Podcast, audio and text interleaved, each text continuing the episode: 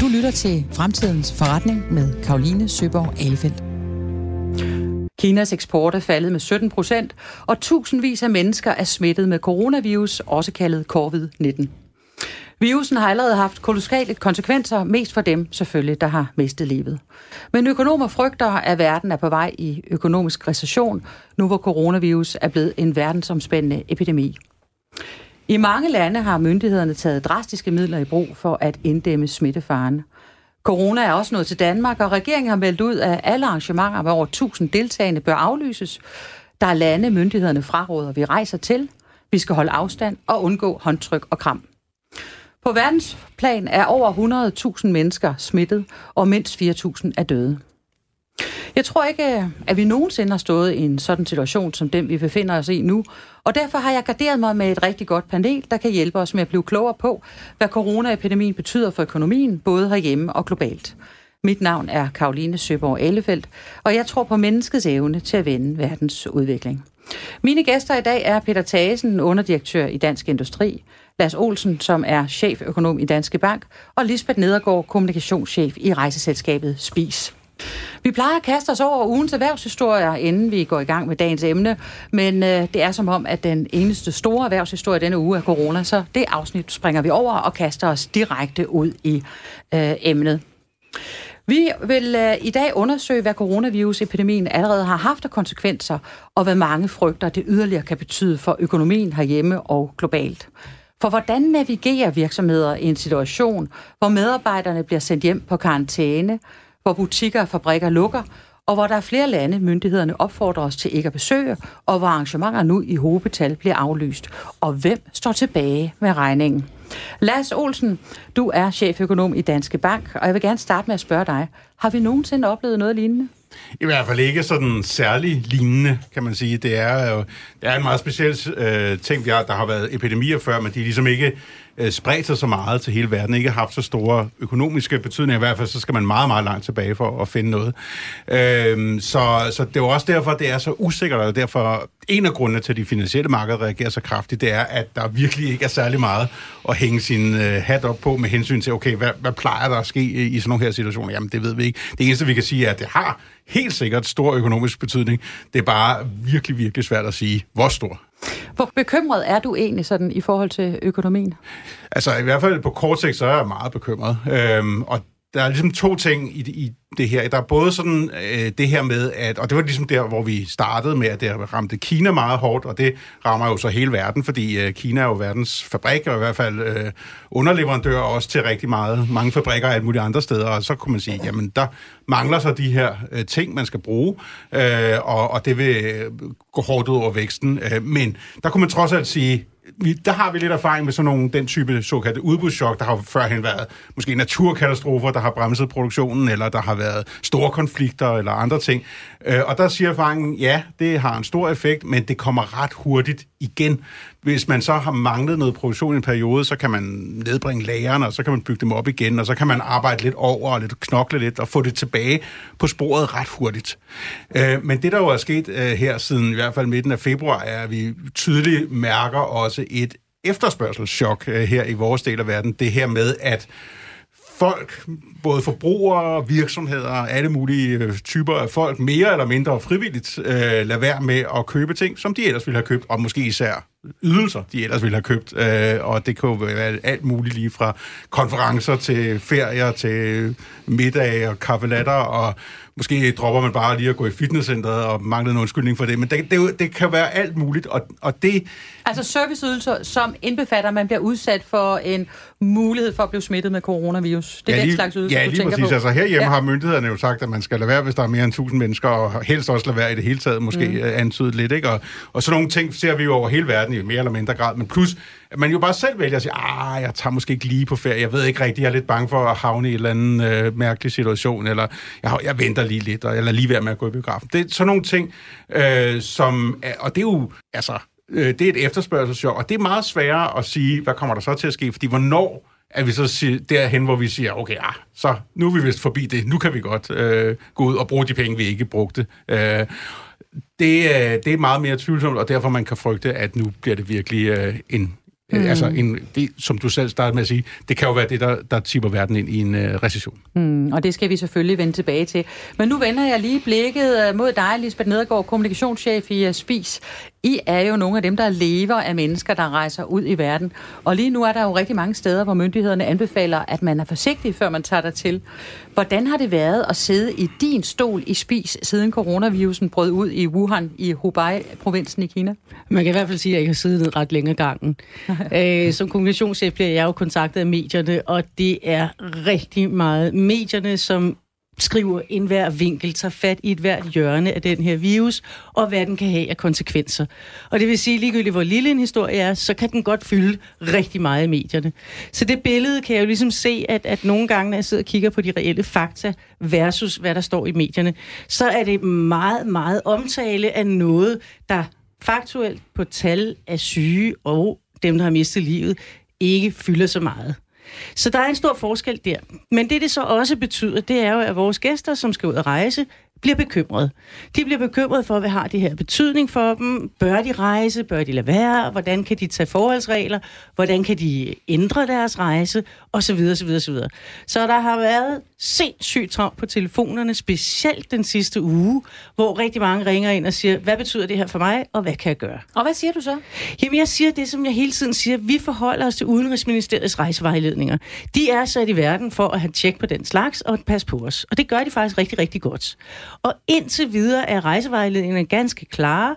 Man fraråder nogle enkelte områder, såsom Kina, det nordlige Italien øh, og et par enkelte andre. Men Spanien, Gran Canaria, Mallorca osv., Grækenland, der er ikke nogen forhold endnu. Og Nej, det, de er ikke på, øh, på grønt, om jeg så må sige. De er jo rykket ind i et gult felt, ikke? så der men, er vel en eller anden form for... Ja, men hele verden er rykket i gult. Mm-hmm. Udenrigsministeriets rejsevejledninger har rykket hele verden i gult. Og så er man jo ligesom ude i, at, at Mallorca eller Møltønder, det er faktisk lidt det samme. Ikke? Og på den måde skal man også, synes jeg, forholde sig til det ud fra, hvad man selv mener er rigtigt. Vi ser faktisk ofte, når der sker vemmelige ting ude i den store verden, så vender folk tilbage til det, de kender, en spisrejse til Gran Canaria eller til Mallorca, det er trygt, og det er velkendt, og det er der rigtig mange, der vender tilbage til. Så vi sælger stadigvæk rejser. Mm-hmm. Det lyder godt. Men, men lad os tage, lige, uh, tage os lige helt med ind i, uh, i maskinrummet. For da, fra der nyheden om nogle af de første smittetilfælde i Kina med corona breaket til nu, hvor hele verden er påvirket.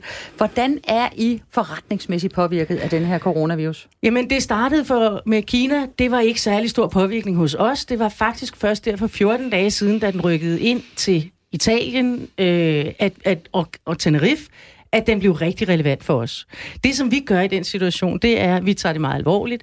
Vi har et krisehåndteringsberedskab, som betyder, at siden den 26. februar har vi hver eneste morgen været en 25 mennesker, der har været samlet omkring et kald. Det har så af gode grunde været et telefonkald.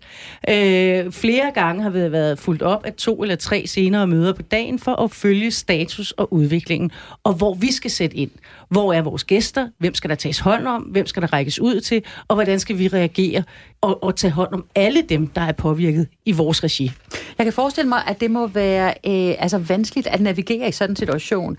Ligger I inde med, øh, hvad skal man sige, øh, contingency-planer for, hvordan man kan klare krisesituationer, eller, eller har, man, har I på nogen måde sådan, øh, har været forberedt på, sådan noget kunne ske? Jeg tror ikke, der er nogen, der har været rigtig forberedt på den her virus. Altså, corona er ligesom stukket af på et plan, som vi ikke har set før. Vi sad og diskuterede i formiddags, hvad minder det her om? Har vi prøvet det før?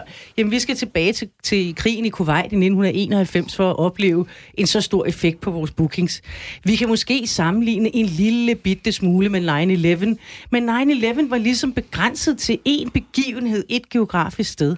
Den her virus, den er jo den er svær at få fingrene omkring. Den er svær ligesom at sige, hvor begrænser den sig til den er jo også nede af den bane, der hedder en masse Hollywood-film omkring, hvad kan der ske, og der er kun to, der er tilbage. Og det vil sige, at den fodrer ind i folks frygt. Og frygt er enormt svært at få hånd om, fordi det er, det, det er jo ikke rationelt. Det er, det er virkelig, virkelig svært at sige, hvad er det, der, der, der anfordrer folks frygt. Øh, og vi prøver at imødegå det ved, at vi selvfølgelig opruster helt vildt på vores øh, telefonlinjer, og det vil sige, at der sidder en masse medarbejdere, som kan sige, hvad betyder det her for dig? De kan ligesom imødekomme folks bekymringer og forklare, hvordan og hvorledes. Vi kom så også forleden dag, fordi de bekymringer, der var rigtig meget på telefonerne, det var den her, jamen kan jeg annullere min rejse, hvis der nu kommer noget mere i det område, jeg skal til. Det lyttede vi til, og nu har vi indført en tryghedspakke, som betyder, at man kan få en ekstra forsikring med i købet gratis, hvor man kan afbestille eller ombooke eller ændre sin rejse. Hmm. Det lyder fornuftigt, og det lyder også som om, det er den slags øh, tiltag, øh, rigtig mange virksomheder må, øh, må foretage sig. Peter Thasen, du er jo underdirektør i øh, Dansk Industri. Jeg forestiller mig, at endnu hos jer øh, har telefonerne ringet lidt mere end normalt. Øh, det må man sige. Ja. Hvor travlt har der været i den her sidste periode? Jamen altså, det har jo været en, det har været en, en udvikling, som jo har haft mange forskellige faser. Øh, jeg kan huske, øh, for et par uger siden, der var jeg til et møde i Udenrigsministeriet, hvor øh, vi sad og var faktisk øh, der om fredagen, inden vi gik på weekend, var øh, sådan øh, relativt optimistiske øh, og, og, og, og vurderede, at øh, kineserne havde med øh, øh, altså stor dygtighed egentlig fået inddæmmet øh, coronavirusen, og at den ikke øh, rigtig ville øh, brede sig for alvor til, til udlandet. Så vi gik øh, på weekend øh, i, i relativt godt humør, men, men så hen over weekenden, øhm, øh, så var det så, at vi konstaterede, at det havde bredt sig til især Sydkorea, Iran og så også øh, Norditalien, og derfra så er det jo næsten øh, kun gået en vej desværre. Øh, det er klart, at altså, det, det, vi har oplevet i, i dansk industri blandt vores medlemsvirksomheder, det er, at øh, de i, i starten jo først var de cirka 500 danske virksomheder, som øh, fysisk øh, er repræsenteret øh, i Kina, som, som det berørte øh, fordi deres medarbejdere blev i vid udstrækning bedt om at, at, at blive hjemme øh, efter det kinesiske nytår var, var slut. Men, men sidenhen så, så begyndte der jo så også at, at være problemer med, at leverancerne fra Kina øh, blev forsinket. Øh, der har været skrevet en, en del i, i medierne om øh, øh, forårskoalitionerne, som er forsinket, og som, når de når dansk jord... Hvad skal så, vi dog tage på? Ja, ja, ja det er det ene, og det andet er så også, at øh, for dem, der skal ud og sælge deres tøj, så kan de måske kun få det halve for det, af hvad de forventede. Øh, og, og, og, og lige indtil vi fik corona på dansk jord, der var der også øh, flere af vores medlemsvirksomheder, og det gør de fortsat jo, som kæmpede med, at øh, de mangler underkomponenter og andre, dem til dutter, om så må sige, til den produktion, produktion, som de skal, skal gennemføre her i Danmark. Øh, så, så, så der kom også ligesom sådan en fase, hvor det først handlede meget om, om sikkerhed, til at også lige pludselig handle meget om øh, de kommercielle øh, konsekvenser af det.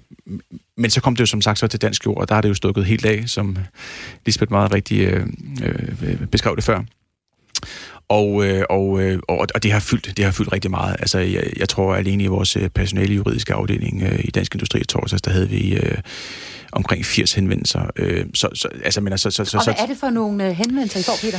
Jamen, det er jo, altså, det, det, det vi kan se, det er jo, at der er, er flere og flere virksomheder, som bliver udfordret på deres likviditet. Det vil sige, altså, udgifterne bliver ved med at være det samme, indtægterne, indtægterne begynder at falde. Øh, og så som en ansvarlig ledelse, øh, så, så bliver man selvfølgelig nødt til at se på, hvor lang tid, hvor lang tid kan vi blive ved med at, øh, at holde til det, øh, og, og, og hvad kan vi så gøre, hvis, hvis, øh, hvis, det, hvis det fortsætter. Øh, hvis der for eksempel øh, er, er stor mangel på, på de underkomponenter, der skal bruge produktionen, øh, og man ikke kan sætte øh, sine folk øh, i arbejde, øh, er der så mulighed for at, og, og, og sende dem hjem, øh, og, og, og i givet fald på hvilke betingelser. Det, det, er jo, det er jo sådan nogle ting, som man, som man begynder at, at kigge ind i. Og så er det klart, at med, med den udmelding, der kom øh, i, øh, I fredags var det om, omkring, øh, øh, at man kun må, må samles øh, maks 1000 personer. Der, der, der gik du så også ind og, og, og ramte hele oplevelsesindustrien øh, som jo også i høj grad er repræsenteret i, i dansk industri, øh, og ramte dem rigtig, rigtig hårdt. Øh, og der er jo rigtig mange arrangementer, som, som bliver tabt på gulvet nu. Kan du give et øh, eksempel på, øh, hvordan oplevelsesindustrien er, er ramt? Ja, altså, øh, øh, altså tag sådan et eksempel som, som Royal Arena, som, som jo øh, lever af at, at lave store koncerter og forskellige andre former for, for, for store events.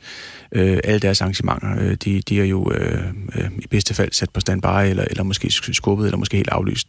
Og det er klart, at øh, for, for, for, for, for øh, virksomheder, eller Royal Arena, der, der rammer det her rigtig, rigtig hårdt. Og det er jo så også derfor, at øh, der nu også er kommet en fase, øh, og hen over weekenden, og der er blevet diskuteret det hæftigt, altså hvordan, hvordan, kan man komme, hvordan kan man komme erhvervslivet, erhvervslivet øh, i møde her? Fordi sagen er den, det, der blev meldt ud øh, fra regeringens side i, i fredags, det var jo en, en anbefaling. Det var ikke et, øh, det var ikke et, et krav, om man så må sige. Øh, og det betyder, at, at det sådan set er, er virksomhederne, der, der bærer regningen for, mm. for, for de aktiviteter, der bliver aflyst. Øh, og der, og der, men, men der har vi heldigvis haft en rigtig god dialog med regeringen hen over weekenden, og også i dag. Øh, fordi sagen den, vi har jo selvfølgelig alle sammen en fælles interesse i, at vi alle sammen kommer ud af det her med, med skinnet på næsen. Øh, og der er helt klart... Øh, store dele af erhvervslivet, som, som har brug for en håndsrækning.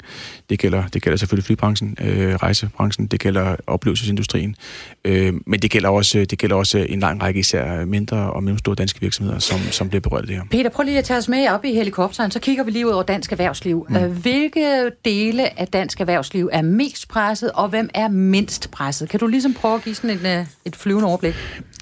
Ja, altså jeg vil sige, øh, altså dansk erhvervsliv over en bred kamp er faktisk øh, berørt af det her. Øh, og, men, men det er klart, at, øh, at øh, hele transportsektoren, altså shippingindustrien, øh, flybranchen, øh, opløsningsindustrien, øh, de er selvfølgelig rigtig hårdt ramt af det, men, men der er så sandelig også mange af de, hvad skal man sige, mere sådan klassiske virksomheder inden for fremstillingsindustrien, som, som, øh, som, som mangler deres underleverancer, og som, som ikke kan producere på, på det niveau, som de gerne vil producere på. Øh, altså, så, så, så, så, så det er faktisk dansk erhvervsliv og en bred kamp, der, der, der bliver berørt af det her. Mm-hmm. Eller så er berørt af det allerede nu. Og hvis vi kigger ud over landets grænser, hvor alvorlig er den her situation så? Jamen, som Lars også sagde, altså, jeg, jeg, det, det, det her, det er jo, altså, vi står øh, over for en, en udfordring, som vi ikke rigtig har stået over for før. Øh, vi kan jo selvfølgelig håbe på, at det klinger af ret hurtigt, at vejret bliver godt, foråret kommer hurtigt.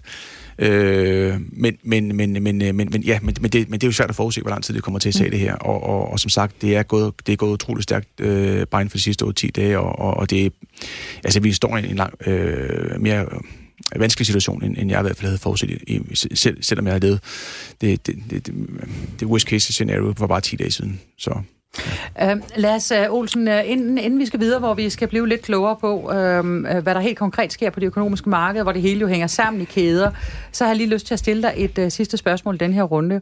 Hvor meget tabt land kan nås at hentes ind? Hvad kalkulerer I med, når du sidder i Danske Bank og analyserer situationen? Altså, kan vi vende den økonomiske udvikling til det bedre, hvis antallet af smittede begynder at falde drastisk, mm. og hvis der snart kommer mere øh, ro på? Eller hvad er tidsperspektivet? Hvor travlt har vi? Ja, altså, øh, det er klart, at øh, det er jo noget, vi, der på en eller anden måde bliver overstået på et eller andet tidspunkt, som Peter også var inde på. Men, det, men, men altså, eftersom det jo har at gøre med sådan nogle sygdomme, så, øh, så er vi jo lidt på, på, på barbund med hensyn til at vide, hvordan det, det foregår. Man kan måske skæve lidt til selvfølgelig, hvad der er sket i Kina. Kina lader jo til at være forbi det værste i det hvert fald. Det, øh, ja. men, men, øh, og produktionen er på vej lidt op. Det ser ikke ud til, at det øh, får sygdommen til at sprede sig yderligere. Så det giver selvfølgelig et vist håb, men det har jo så også taget øh, ja, øh, par måneder øh, i, i reelt set der. Øh, og øh, man kan sige, det er jo ikke, det, det er lidt for tidligt at konkludere, at det også rent faktisk er øh, vendt, fordi det kan jo være, der kommer en ny runde nu, hvor det spreder sig rundt omkring i verden, så kan det jo sprede sig tilbage til Kina. Så, så det er sådan, øh, det, det, vi må bare sådan prøve at føle os lidt frem. Men det er klart, at det er jo ikke noget, hvor vi forventer, at det varer altså, halve og hele år. Øh, det, det skulle da være meget, meget mærkeligt. Øh, så, så på en eller anden måde, så bliver det jo selvfølgelig overstået igen. Men det er der jo nogen, der alligevel taler om, og vi skal også øh, tilbage til det, at øh, det kan tage en, hvad skal man sige, som, som øh, Peter var inde på før, når vejret bliver bedre, så kan det øh, falde lidt mere... Øh, øh, til ro, mm. men, øh, men når så efteråret og vinteren kommer øh, 2020, 2021, så kan det være, at det, det pikker op igen, som man siger øh, på engelsk. Hvad, øh, hvad tænker du kan være de langsigtede konsekvenser? Jo, men altså igen, øh, det er selvfølgelig rigtigt nok, øh, men og jeg, som sagt jeg er jo heller ikke læge eller ekspert i, hvad, hvad, hvordan sådan noget øh, fungerer, men, men det, jeg ligesom har forstået på det, det er jo, at man, det, det handler om at ligesom undgå, at der er for mange, der bliver smittet samtidig. Det er ligesom det, der er hovedformålet her. Og det vil sige, på et eller andet tidspunkt, så har vi jo kommet igennem, at okay, så har vi undgået det, og så kan man måske have fundet en vaccine eller en kur eller et eller andet. Øh, så øh, i løbet af... af altså, det, det er jo ikke en permanent øh, situation, mm. trods alt. Øh, og derfor så, så tror jeg heller ikke, at det er sådan, at de langsigtede konsekvenser, der er de, det største problem. Det er sådan set de kortsigtede, men det korte sigt er sandelig også meget, meget vigtigt. På lang sigt er vi alle sammen døde, som Keynes engang sagde, ikke? og det, det er jo forhåbentlig ikke af, af det her, men altså, øh, hvis, man ikke, hvis man ikke overlever øh, den næste måned, så kan det være ligegyldigt, at øh, økonomien har det fint igen om et år. Sådan. Lytter til Fremtidens Forretning med Karoline Søborg Alefeldt. Sygdommen covid-19, også kaldet corona, blev identificeret i midten af december 2019 i byen Wuhan i det centrale Kina, efter at mange mennesker af ukendte årsager fik lungebetændelse.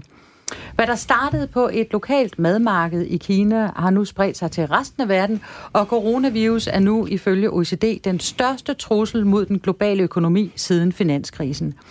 Og væksten i euroområdet, Kina og Japan blev kraftigt nedjusteret i 2020 som følge af regningen fra kampen mod coronavirus. Herhjemme er underholdningsbranchen hårdt ramt af mange aflyste arrangementer, som vi lige har talt lidt om, og på bare få uger er hver tredje passager forsvundet fra Københavns Lufthavn, og det har fået lufthavnen, der er delvis statsejet til at efterlyse krisehjælp.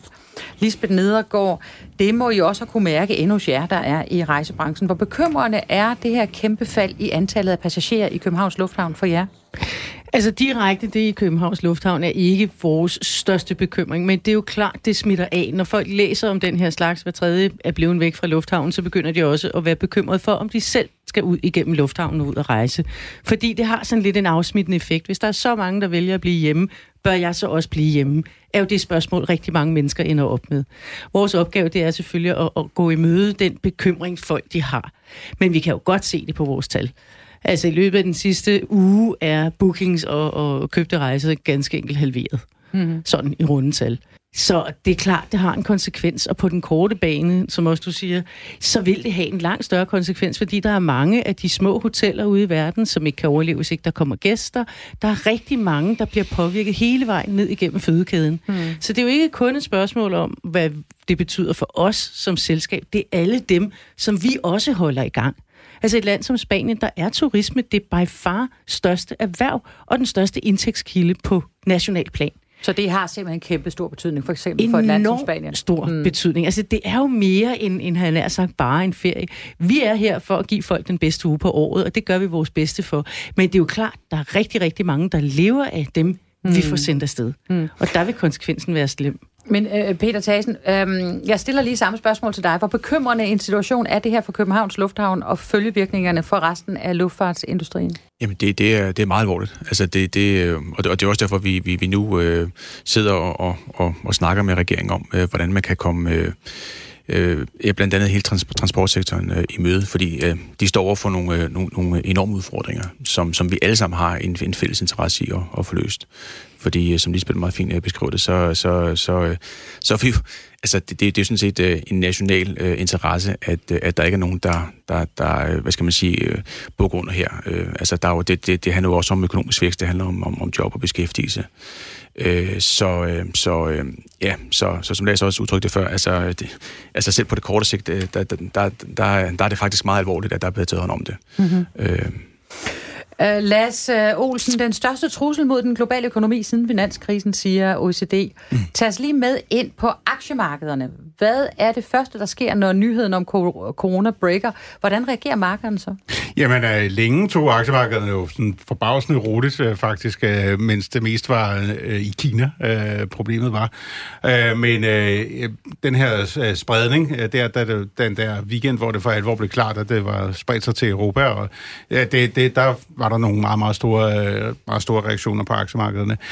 Det, man, det er jo aldrig kun én ting, og det er aldrig noget, der er aldrig noget, der foregår i isolering øh, på, på, på markederne og i økonomien, og det er jo klart, at der, man skal også huske, at der forud for det her har været nogle meget store kursstigninger på aktier igennem en lang periode, og hele markedet jo er præget af den her øh, situation omkring, at vi på den ene side set jo er meget langt henne i et opsving, og faktisk under alle omstændigheder var forbi opsvinget og var begyndt at komme ind i en eller anden form for afmatning, eller noget, der faktisk godt kunne kaldes en blød landing, hvor økonomien bare havde det fint nok, i stedet for at være der, hvor arbejdsløsheden hele tiden falder og sådan noget. Øh, så det var jo en tid, det, det skal man forholde sig til. Det er altid et tidspunkt, hvor det begynder at blive lidt risikabelt, og man sådan tænker, okay, hvornår kommer den næste krise?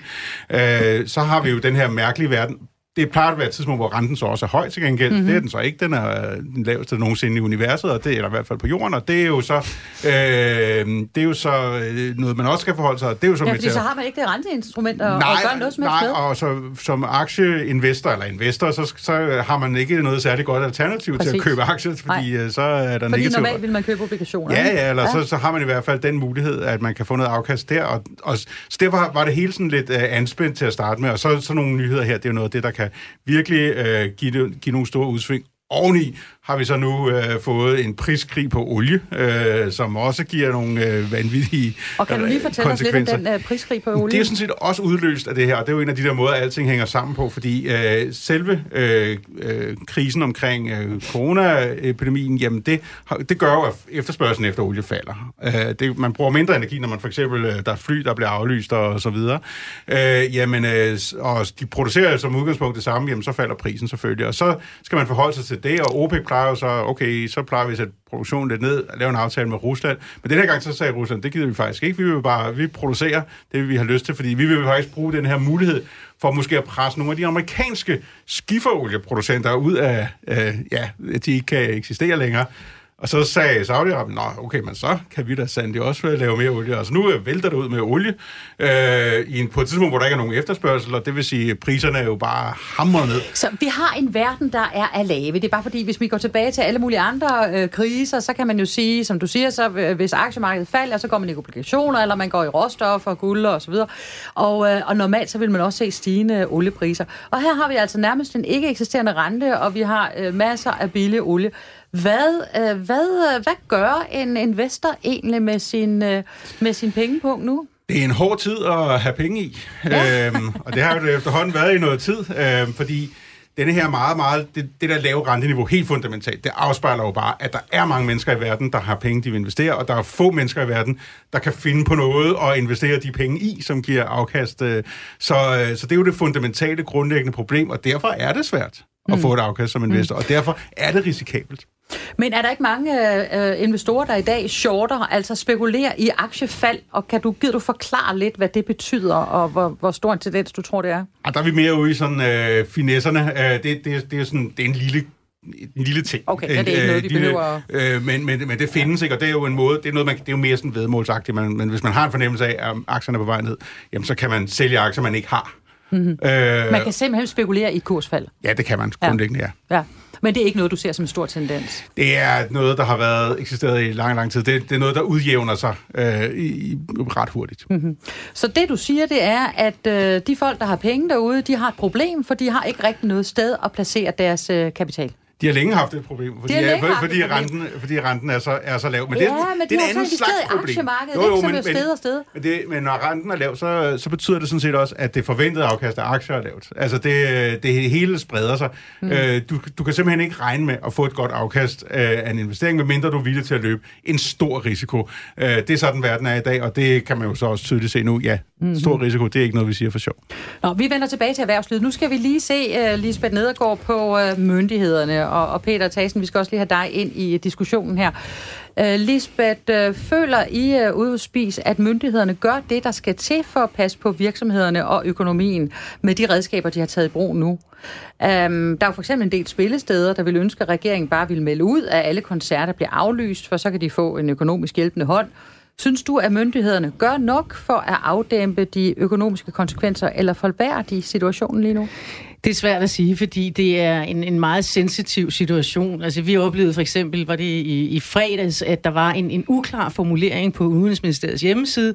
Det kunne vi simpelthen spore Fem minutter efter, så var telefonlinjen rødglødende med folk, der ikke kunne forstå, hvad det egentlig betød. Så på den måde har det en vanvittig stor effekt for os, at de får formuleret sig klart og tydeligt.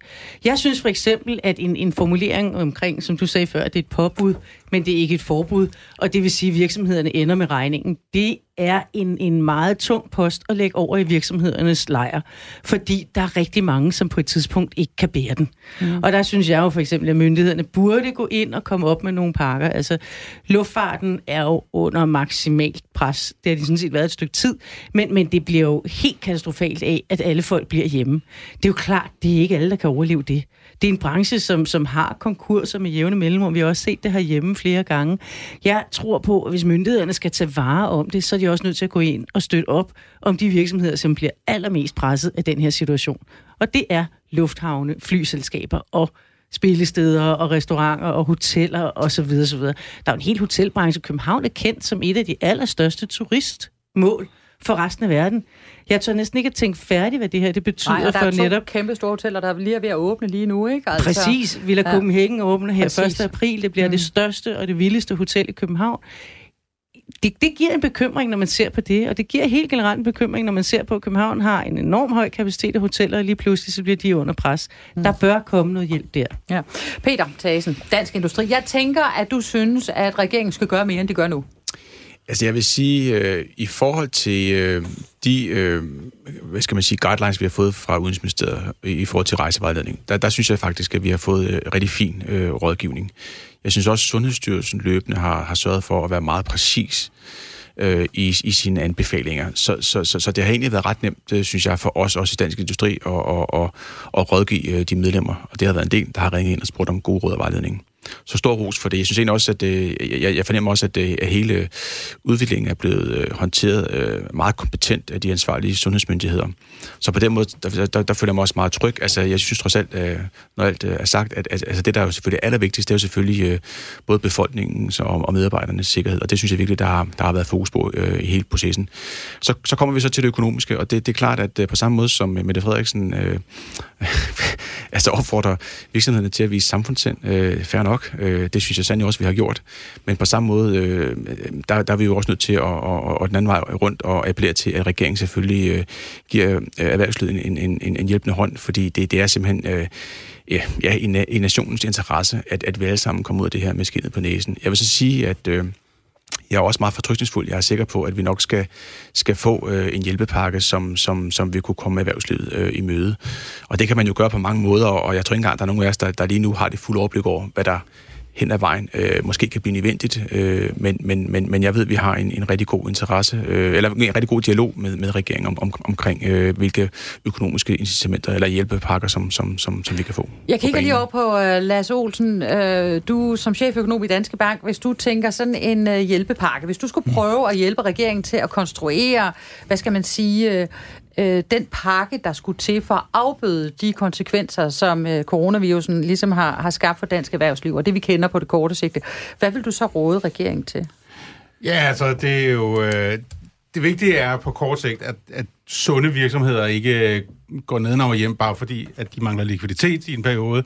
Og det er jo selvfølgelig et eller andet stort samspil af alle mulige øh, instrumenter, man kan tage i rådighed, som, man, som vi ser over hele verden øh, blive overvejet. Og det kan jo være i Danmark er det jo oplagt, øh, den som model, vi også har brugt før, men man udskyder øh, indbetalinger af moms og A-skat og sådan, så giver vi i hvert fald en slags lån til de virksomheder, der har brug for det på den måde, men der kan være alle mulige andre ting, og i virkeligheden tror jeg ikke, at jeg er den bedste herinde til at, øh, at, at komme et godt bud på, på, på, hvad det præcis er, man, man gør der. Men så er det jo også det mere øh, sådan overordnet at sige, i og med, at det her nu også ikke bare er sådan den her krise om udbud og produktion, der mangler, men også at det her måske noget efterspørgsel, der mangler, øh, at, øh, at forbrugerne bliver hjemme, og virksomhederne ikke holder kongresser, og hvad det nu kan være for noget.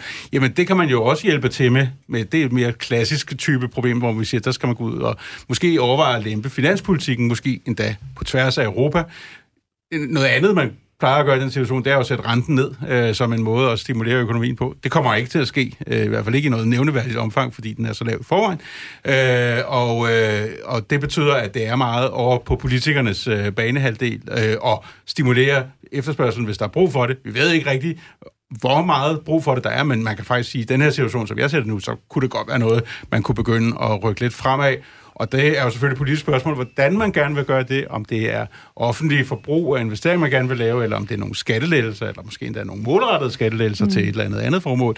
Øh, I hvert fald er der, er der værktøjer i, i den kasse også, øh, som man kan... Sidste gang, vi øh, havde sådan en krise, er jo tilbage i 2008, og den er selvfølgelig lidt svær at sammenligne med, men der fik vi jo alligevel sådan en øh, bankpakke eller en finanspakke, kan du se, at man kunne finde på at lave øh, nogenlunde det samme her? Altså den del af det i hvert fald, som handler om, som netop handlede om, at man øh, prøvede at sikre virksomhedernes likviditet i, på et tidspunkt, hvor efterspørgselen faldt som en sten. Ja, den, den synes jeg i hvert fald er, er helt oplagt. Øh, vi har jo ikke på samme måde den her en krise i den finansielle sektor, øh, så det er jo ikke, der er ikke behov for på den måde at, øh, at sikre det finansielle system, øh, men, men der er, kan være behov for at sikre likviditeten, og så, altså, ja, likviditeten først og fremmest i, i uh, virksomhederne. Og så lad, kigger jeg på dig, Lisbeth uh, Nedergaard. Hvad, uh, hvis du skulle hjælpe regeringen med at sætte sådan en, uh, en hjælpepakke sammen, hvad kunne du så ønske dig at se fra din stol i spis?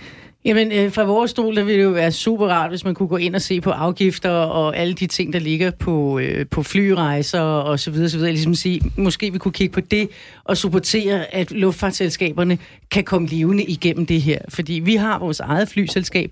Det kører med fyldte fly, fordi dem fylder vi jo først. Men vi booker jo også utrolig mange rejser gennem alle andre flyselskaber. Og der er ingen tvivl om, at jeg tror ikke på, at alle kan overleve den her krise, hvis den bliver rigtig lang.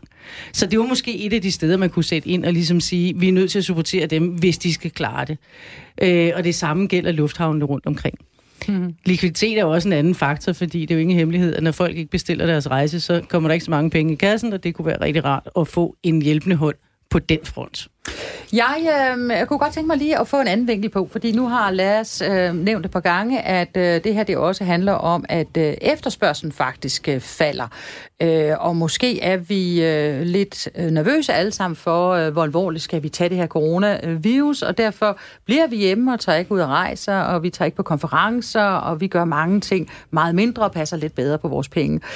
Øh, jeg skulle selv have været til Stockholm denne her uge for at tale ved en, øh, sådan en breakfast øh, for en, en teknologivirksomhed, øhm, og, øh, og det blev aflyst på grund af coronavirus. Vi skulle være 16 mennesker til en morgenmad, øh, altså primært skandinaver. Så, øh, og så kan man jo ikke lade være med at tænke på, nu nævner jeg ingen navn her, men... Øh, Um, er, er, det, øh, er det sådan lidt uh, en, en reaktion, som er lidt overdrevet? Altså når regeringen siger, uh, vi skal ikke uh, 1000 mennesker, over 1000 mennesker, så er det for meget. Når vi så begynder at sige, jamen, så aflyser vi også mindre begivenheder. Hvem har så ansvaret? Peter Tassen. Øh, jeg, jeg, jeg, jeg synes i og for sig, hvis jeg skal være det, at det er en overreaktion. Altså, jeg synes, at øh, det, man skal gøre, det er, at man skal, man skal holde sig til, til de råd øh, og vejledninger, vi får fra de offentlige myndigheder, fra de kompetente myndigheder. Øh, og det er det, vi gør øh, i Dansk Industri. Det er også det, vi rådgiver øh, vores medlemsvirksomheder til at gøre. Og det vil sige, øh, jeg har også så sent som fem minutter før jeg tog herover, så var der også en kollega, der ringede og spurgte mig, om, om, om han kunne tage til St. Petersborg.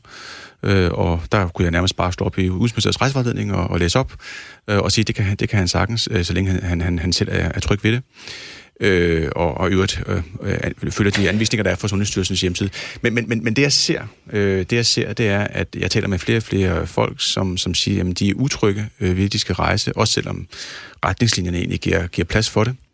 Øh, folk, de, øh, de, de begynder, du ved, at foruddiskontere, at måske kommer de så hjem, og så skal de i karantæne, og hvis de så er en enig mor med to børn, hvad så med deres børn, og så, så, så det, der reelt sker øh, i praksis, øh, det er i hvert fald min, øh, min fornemmelse, det er, at at, at, øh, at, at der, ja, altså der, der, der, der, der, der breder sig sådan et forsigtighedsprincip, om så må sige, som, som egentlig går meget, meget længere end, end det, som myndighederne egentlig anbefaler. Ja. Og, og hvad siger du til det lige? Jamen, jeg vil også sige, at det her er et forsigtighedsprincip, som nu er blevet sagt rigtig, rigtig mange gange gennem de sidste par dage. Hvad er det egentlig? Mm. Altså, hvor forsigtige skal vi være? Skal vi pakke os selv og alle andre i vat og bomuld, og lade være med alting? Fordi... Men frygt er vel irrationel? Altså, det er bare for at sige, det er vel sådan der. Det var og det, hvordan, er der nogen, der har nogle forslag til, hvordan vi kan imødegå det? Jeg synes, man skal begynde at lytte rigtig meget til de myndigheder, som faktisk er knivskarpe til det, de laver. Altså, som du nævner, Udenrigsministeriets rejsevejledninger, som lidt er 100% det, vi retter os efter altid.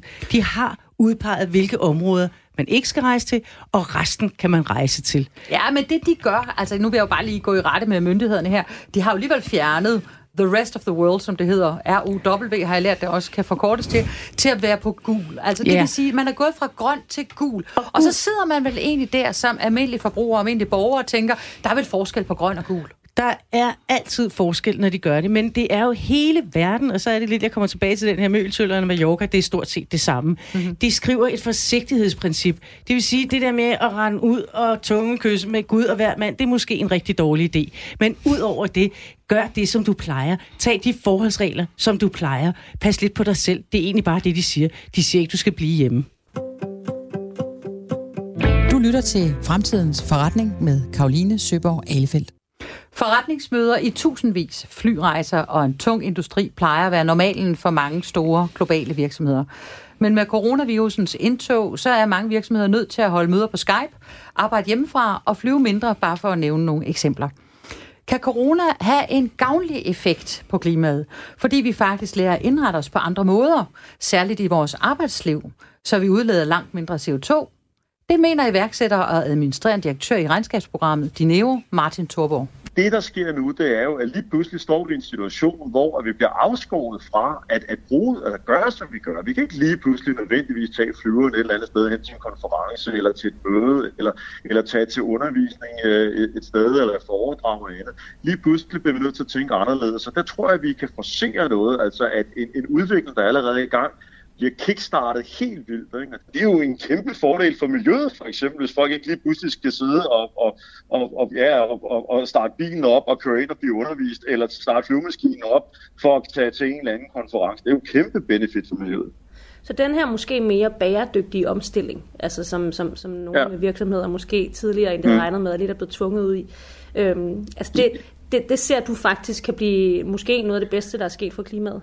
Ja, det kunne jeg sagtens forestille mig. Man kan jo allerede se nu i, øh, altså NASA har lavet forskellige øh, målinger over Kina, hvor man kan se, at, øh, at, at forurening er, er kraftigt faldet på grund af, at de ikke flyver så meget. Så Tænk hvis kineserne, altså i den tid, hvor de har været spærret inde derhjemme, lige pludselig har fået smag for, hvorfor måske overhovedet køre ind på arbejdspladsen, hvorfor øh, flyve øh, til, fra den ene del af Kina til den anden, hvis man, øh, hvis man, hvis man, hvis man nu kan bruge øh, et eller andet øh, video øh, øh, telefoniprodukt, eller hvad djævel man kalder sådan en, en Google Hangout, eller der er sikkert også Skype og alt muligt andet.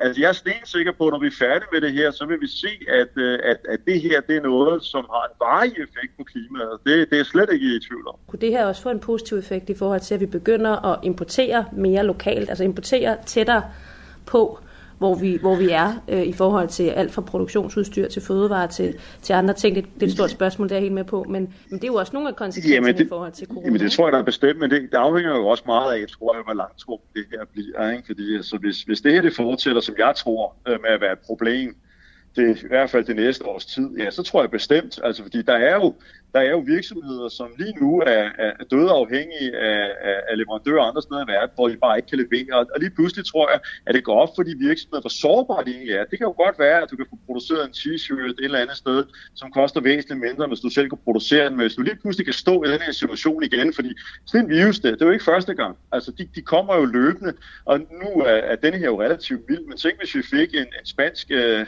øh, influenza, eller spansk syge, eller et eller andet, altså noget, der virkelig battede.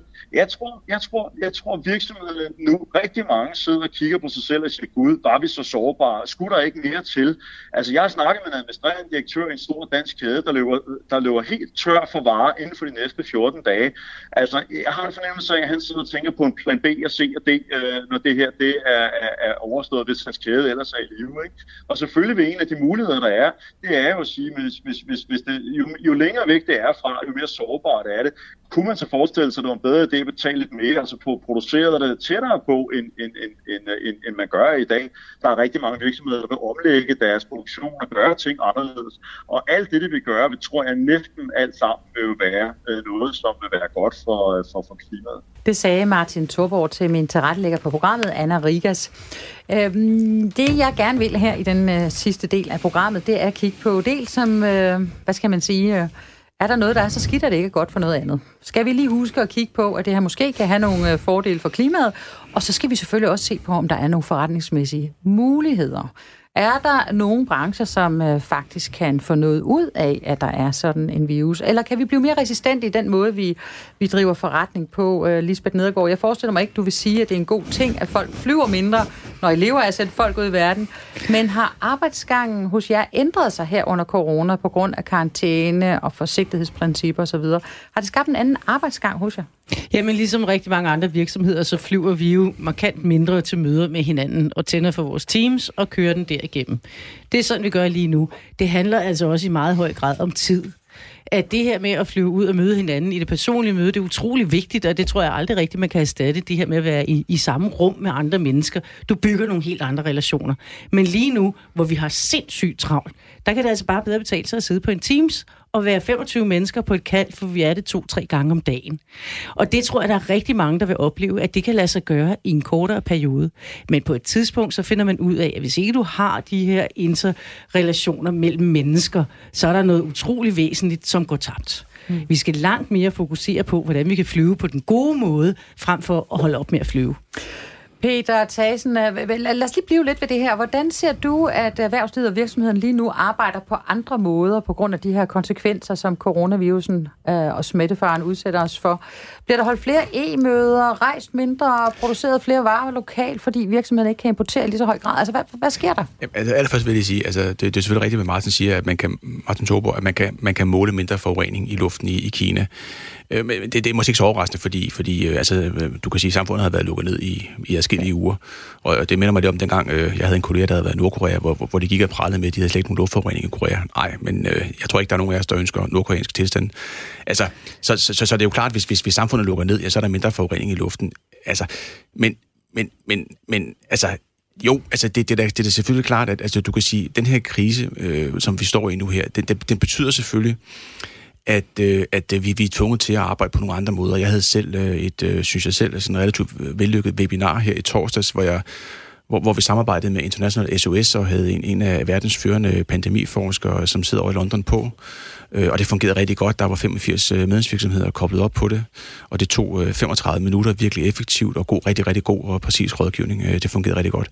Og, og, og, og, og på den måde kan man sige, så, så, så, så tror jeg, at, at der vil være øh, altså mange, der får øjnene op for, at man kan måske godt bruge videokonferencer og den slags øh, endnu mere, end man har gjort tidligere. Og det kan da godt være, at den her krise øh, måske lige frem øh, skaber sådan, jeg vil ikke kalde det en, en ketchup-effekt, men i hvert fald Øh, øh, en, et, et, altså, øh, at, der, at der er flere, der får foran for, at, at man også kan støtte sig til det endnu mere, end man gør tidligere. Men, men altså, når det er så sagt, så, så vil jeg nu sige, at jeg er langt stykke hen ad vejen er, er enig med Lisbeth i, at øh, også når man arbejder internationalt, som jeg gør, altså de personlige relationer er vigtige. Øh, og, og derfor så tror jeg ikke, at det vil være noget, der, der, der sådan vil revolutionere, øh, hvad skal man sige, fly, flymarkedet, som, som Martin måske lægger op til her. Men, men jeg kunne godt forestille mig, at, at, at, det, at det vil give øh, øget fokus på, på nogle af de muligheder, som der ligger i videokonferencer osv. Og så synes jeg også, det er en lille smule vigtigt at pointere, at flytrafik helt generelt står for 2% af udledningen. Det gør streaming altså også. Så man kommer jo ikke den helt store klimaforurening til livs bare ved at holde op med at flyve. Det er stadig kun 2%. Måske man skulle kigge på produktionsapparatet i Kina og se, er det det, man kunne ændre på. Det lyder fornuftigt. Jeg skal lige høre den der pandemiekspert. Sagde han øh, noget positivt, eller sagde han noget negativt? Blev I mere beroliget, eller blev I mere forurolet? Ja, jamen, det var egentlig, jeg vil sige, øh, ja, nej, men det handlede egentlig bare om, hvad, hvad, hvad, hvad skal man gøre som virksomhed? Og der kan du sige, øh, det var egentlig meget også en opfordring til, at man skal, man skal forholde sig til fakta øh, og ikke, ikke lade, hvad skal man sige, frygtende forhånd. Øh, det, det, det var egentlig det, der var budskabet. Og så er det så også rigtigt, at, altså, som man også var inde på, altså, altså det, er jo, det er jo en virus, vi kender særlig godt, øh, og, og, og også en, som, som selvfølgelig øh, smitter mere end, end, end andre virer, vi, vi, vi, vi, vi kender. Øh, og det er jo selvfølgelig også noget af det, der er med til at, at gøre, at, at, at, der, at, at man ser de her sådan ret vidtgående øh, foranstaltninger for, for de offentlige myndigheders side, fordi man, man er jo selvfølgelig bange for, Øh, og, det, og, det, det, og det er det, der er rædselsscenariet, det er det, man forsøger at undgå, at, at, altså, at det her kan brede sig så meget, at det kommer til at lægge øh, sundhedsvæsenet ned øh, i Danmark. Det er det, det, det, der er rædselsscenariet, og det er det, vi forsøger at undgå øh, først og fremmest. Mm-hmm. Lad Jamen, øh, det er, ikke, altså, det er jo selvfølgelig fint, øh, at hvis det kan frem, ændre nogle gamle vaner, ikke? hvor man er bare et, et gammelt vane mødes, i stedet for at man kunne bruge nogle bedre løsninger. Det går jeg selv meget ind for. Og i øvrigt, hvis vi kan få en bedre håndhygiejne øh, som konsekvens af det her, så vil jeg da være meget tilfreds. Øh, men, øh, men det her med, at... Øh, og jeg tror også, at det er rigtigt, det der med, at det kan, øde, det kan forstyrre nogle af de der værdikæder, hvor man får produceret ting langt væk og får dem fragtet, øh, og alle de der ting, som, som, som virkelig er noget, der er vokset over de sidste år, som forvejer noget, der er pres på grund af handelskrig og sådan nogle ting. Præcis. Men der skal man jo også, også bare Så får man sat turbo på den udvikling. Det måske. tror jeg, man gør, men, men, men der, der er jo en grund til, at mm. vi har haft den udvikling. Og den grund er jo, at uh, det er jo super billigt. altså, uh, vi har jo faktisk formået at få et stort løft i vores levestandard.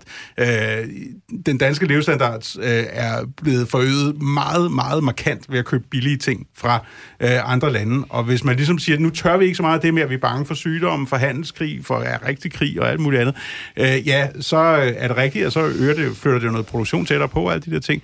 Øh, det kan være godt for miljøet, det øh, anerkender jeg fuldstændig, men det kan til gengæld også være dårligt for vores levestandard, og for levestandarden for nogle mennesker i nogle ret fattige lande, øh, som vi ikke længere køber varer fra. Mm-hmm. Ja, men der er jo masser af perspektiver i det der, men øh, i hvert fald så er det jo interessant, at Martin kigger på, at... Øh, hvad skal man sige, øh, der er også øh, muligheder for at se, at, at det jo ikke er dårligt for klimaet i hvert fald, at vi har det fået den her coronavirus. Hvis så, så er der i hvert fald en, en part, der er det er godt for, og, og så videre. Øhm, men øh, måske kunne man sige, at det kommer med en meget, med en meget høj omkostning. Øhm, jeg synes, at noget af det, som I alle tre øh, påpeger, og som jeg synes, vi skulle bruge lidt tid på at tale om her til sidst, er øh, frygt. Altså, Øhm, og der er jo kun øh, så meget, øh, regeringen kan gøre. Der er jo kun så meget, I kan gøre i jeres krisecenter, Lisbeth. Og der er vel også kun så meget, I kan gøre, Peter, inde i dansk industri, når virksomhederne ringer ind, og I siger, ja, nu klapper I lige hesten, og så videre. Men øhm, så, så, så hvad gør vi egentlig? Altså, hvordan skal vi håndtere den der frygt, som bider sig fast i befolkningen, og som er delvis rationel, men altså også har et irrationelt øh, element. Er der nogen bud på det? Altså, jeg tror, vi er nødt til at prøve at tale endnu mere om fakta. det, det, der virker bedst mod, mod irrationel frygt og rygtedannelse og så videre, så videre, det er fakta. Så jeg tror helt generelt, altså jo mere myndighederne kan komme på banen med reelle fakta og, og tale om, hvad er det her egentlig for en virus, hvad betyder den, hvad er konsekvenserne, og hvordan kan vi hjælpe som de faktisk gør i meget stor stil allerede nu, hvordan vi kan øh, prøve at styre smittefaren osv. osv. Jeg synes, de gør et rigtig godt arbejde, men det er endnu mere. Det er medierne, der også skal prøve at rykke over i den vogn, der hedder, jamen hvad er fakta omkring det her? Der er ingen tvivl om, at vi skal tage det alvorligt, og vi skal passe på, og vi skal tage alle de forholdsregler, vi kan. Men det ville være rart, hvis vi også kunne fokusere lidt mere på, hvad er reelt fakta i det, mm. i stedet for at fodre en irrationel frygt. Ja, men hvordan imødegår vi den der frygt? Altså, hvad skal vi gøre? Og hvem skal gøre noget? Er det medierne, der skal gøre noget? Altså, nu giver jeg lige et eksempel. Jeg hørte uh, The Daily, uh, en af mine yndlingspodcasts fra New York Times forleden dag, som handlede om coronavirusen, og uh, der er så en uh, pandemiekspert i studiet, og han har en meget alvorlig, dyb stemme, og han taler om sammenligning med den spanske syge der tilbage, eller den spanske influenza tilbage i 1917-18 stykker. Øhm, og, uh, og så siger han... Uh, Øh, det, der sker, siger han så, det er, at vi alle sammen kommer til at kende nogen, der kommer til at dø af coronavirus. Og så er der jo stille i studiet, og, og journalisten tør jo næsten ikke sige noget eller spørge om noget. Og så går han lidt videre, den her ekspert, og så siger han med sin meget dybe stemme, så siger han, ja, altså dødeligheden er jo sådan, så hvis vi tager vores nærmeste 300 venner og bekendte, så vil der være seks af dem, der kommer til at dø. Og da jeg hørte den øh, øh, podcast, så tænkte jeg, det eneste jeg som lytter hører, det er, jeg kender seks mennesker, der kommer til at dø. Så derfor tænker jeg, at noget af det, vi virkelig skal øh, holde fast i, når vi snakker om corona, det er det her med, hvordan er det, vi formidler ting. Og der står medierne vel egentlig også med et meget stort ansvar, eller hvad? Ja, det, det gør medierne, men jeg, jeg synes faktisk, øh, et langt stykke hen ad vejen, øh, så har medierne faktisk øh, formidlet det her øh, på en meget respektfuld måde, øh, uden at piske en stemning op. Øh, og, og jeg er fuldstændig enig med Lisbeth i, at selvfølgelig skal man øh, kommunikere baseret på fakta. Og jeg vil sige, noget af det, som, øh, som, øh, som altså man, altså man med egen erfaring fra, fra dansk industri, øh, vi er jo også en, en stor organisation med mange medarbejdere, øh, og der, der har jeg bare flere gange oplevet, at, at, at, at mine kolleger har efterspurgt endnu mere information. Øh, jeg, jeg synes egentlig, vi har været forholdsvis gode til det, men, men, men, men jeg har bare måttet konstatere, at der har været en, jeg næsten kalder det umættelig efterspørgsel efter, efter informationer. Så det har vi virkelig forsøgt at skrue op for. Altså, øh, så, så, så det er simpelthen, det, det, det er mit bedste bud. Altså øh, virkelig, virkelig meget information øh, baseret på fakta. Jeg synes, det eksempel, du nævner der for USA, det synes jeg godt nok, øh, det, øh, det, det, det har vi heldigvis ikke set meget af i, i, i Danmark. Lad os håbe øh, ikke for for meget og, af det. Og, og i øvrigt, så tror jeg også, at den der, den der dødsrette der, den er der jo ret... Altså nu igen, jeg er jo ikke pandemiekspert overhovedet, men, men, men, men sådan som jeg forstår det, så er det jo, så er det jo en dødsrate baseret på, på antallet af dem, som man har registreret øh, der har været smittet, og der er formodentlig et meget, meget stort skyggetal. Altså det er et stort antal folk, som, som også har været haft corona, som, som, ikke er, som ikke er registreret, så derfor så er det reelle dødstal formodentlig øh, langt, langt lavere, så vidt, øh, som jeg forstår det. Så det er jo endnu et, et eksempel på et fakta, mm. som, som det er vigtigt at, at få frem. Las? Det, som den øh, danske regering jo også var ude at sige, var, at vi skal ikke være bange for det her. Vi skal vise samfundssind og sørge for, at der ikke er for mange, der er syge på samme tid. Mm. Sådan så, at øh, sundhedsvæsenet bliver overbelastet, og sådan så, at svage mennesker risikerer at dø af det. Øh, og det Præcis. synes jeg ikke for sig var en god måde at håndtere det på. At sige, der er mm. ingen grund til at være bange, men der er grund til og til at vise det her samfundssind, sørge for at, at få det spredt ud. Og så i forhold til selve det her med frygten, og økon- frygt spiller jo en meget stor rolle også inden for økonomi, og man kan jo sammenligne det lidt med dengang tilbage i 2008-2009, hvor finanskrisen kom, og vi så et kæmpe fald i privatforbruget, der, der var langt, langt større faldet end faldet i indkomsten. Det vil sige, det, og det, det kom jo på en baggrund af, at vi overhovedet ikke var bange for noget som helst i årene inden for finanskrig. Altså hvor vi i 2007 brugte vi 15 procent mere, end vi tjente. Øh, og det, var, det kunne aldrig gå galt. Øh, friværdierne ville altid være store, ikke? og alle skulle have et fedt køkken og en Weber-grill. Og det var... Øh, og, og, og det ændrede sig så lige fra den ene dag, at Gud kan ting falde, ikke? Og, så, øh, og så fik vi frygten virkelig øh, til at præge øh, forbruget. Den her gang kommer vi fra en tilstand, hvor folk sådan set var rimelig bange i forvejen. Øh, altså, vi har, vi har et privatforbrug, der sådan set er meget lavt i forhold til indkomsten allerede i udgangspunktet. Øh, og det øh, gør et eller andet sted, at jeg tror, at vi ikke kommer til at falde så meget yderligere. Jeg mm-hmm. tror faktisk ikke, at det, det bider sig fast som en varigt fald i forbrug. Det håber jeg i hvert fald ikke, øh, for det har vi ikke brug for. Ja, men med denne øh, meget positive øh, udgang, tror jeg, at vi, jeg vil sige tak til, til jer, som var med her i studiet og diskutere effekterne af coronavirusen. Peter Thasen, underdirektør i Dansk Industri, Lars Olsen, cheføkonom i Danske Bank, og Lisbeth Nedergaard, kommunikationsselskab, chef i rejseselskabet Spis. Programmet her kan genhøres i aften kl. 19.05 på Radio 4, og er ellers tilgængeligt på podcast, når det passer dig. Skriv endelig til os med bud på historier og emner, som du synes, vi skal kigge på. Du kan skrive til fremtidens forretning at radio4.dk. Mit navn er Karoline Søborg Alefeldt, og jeg er tilbage næste torsdag med endnu en udgave af Fremtidens Forretning. I redaktionen er Anna Rigas og Lene Jul. Tak for i dag.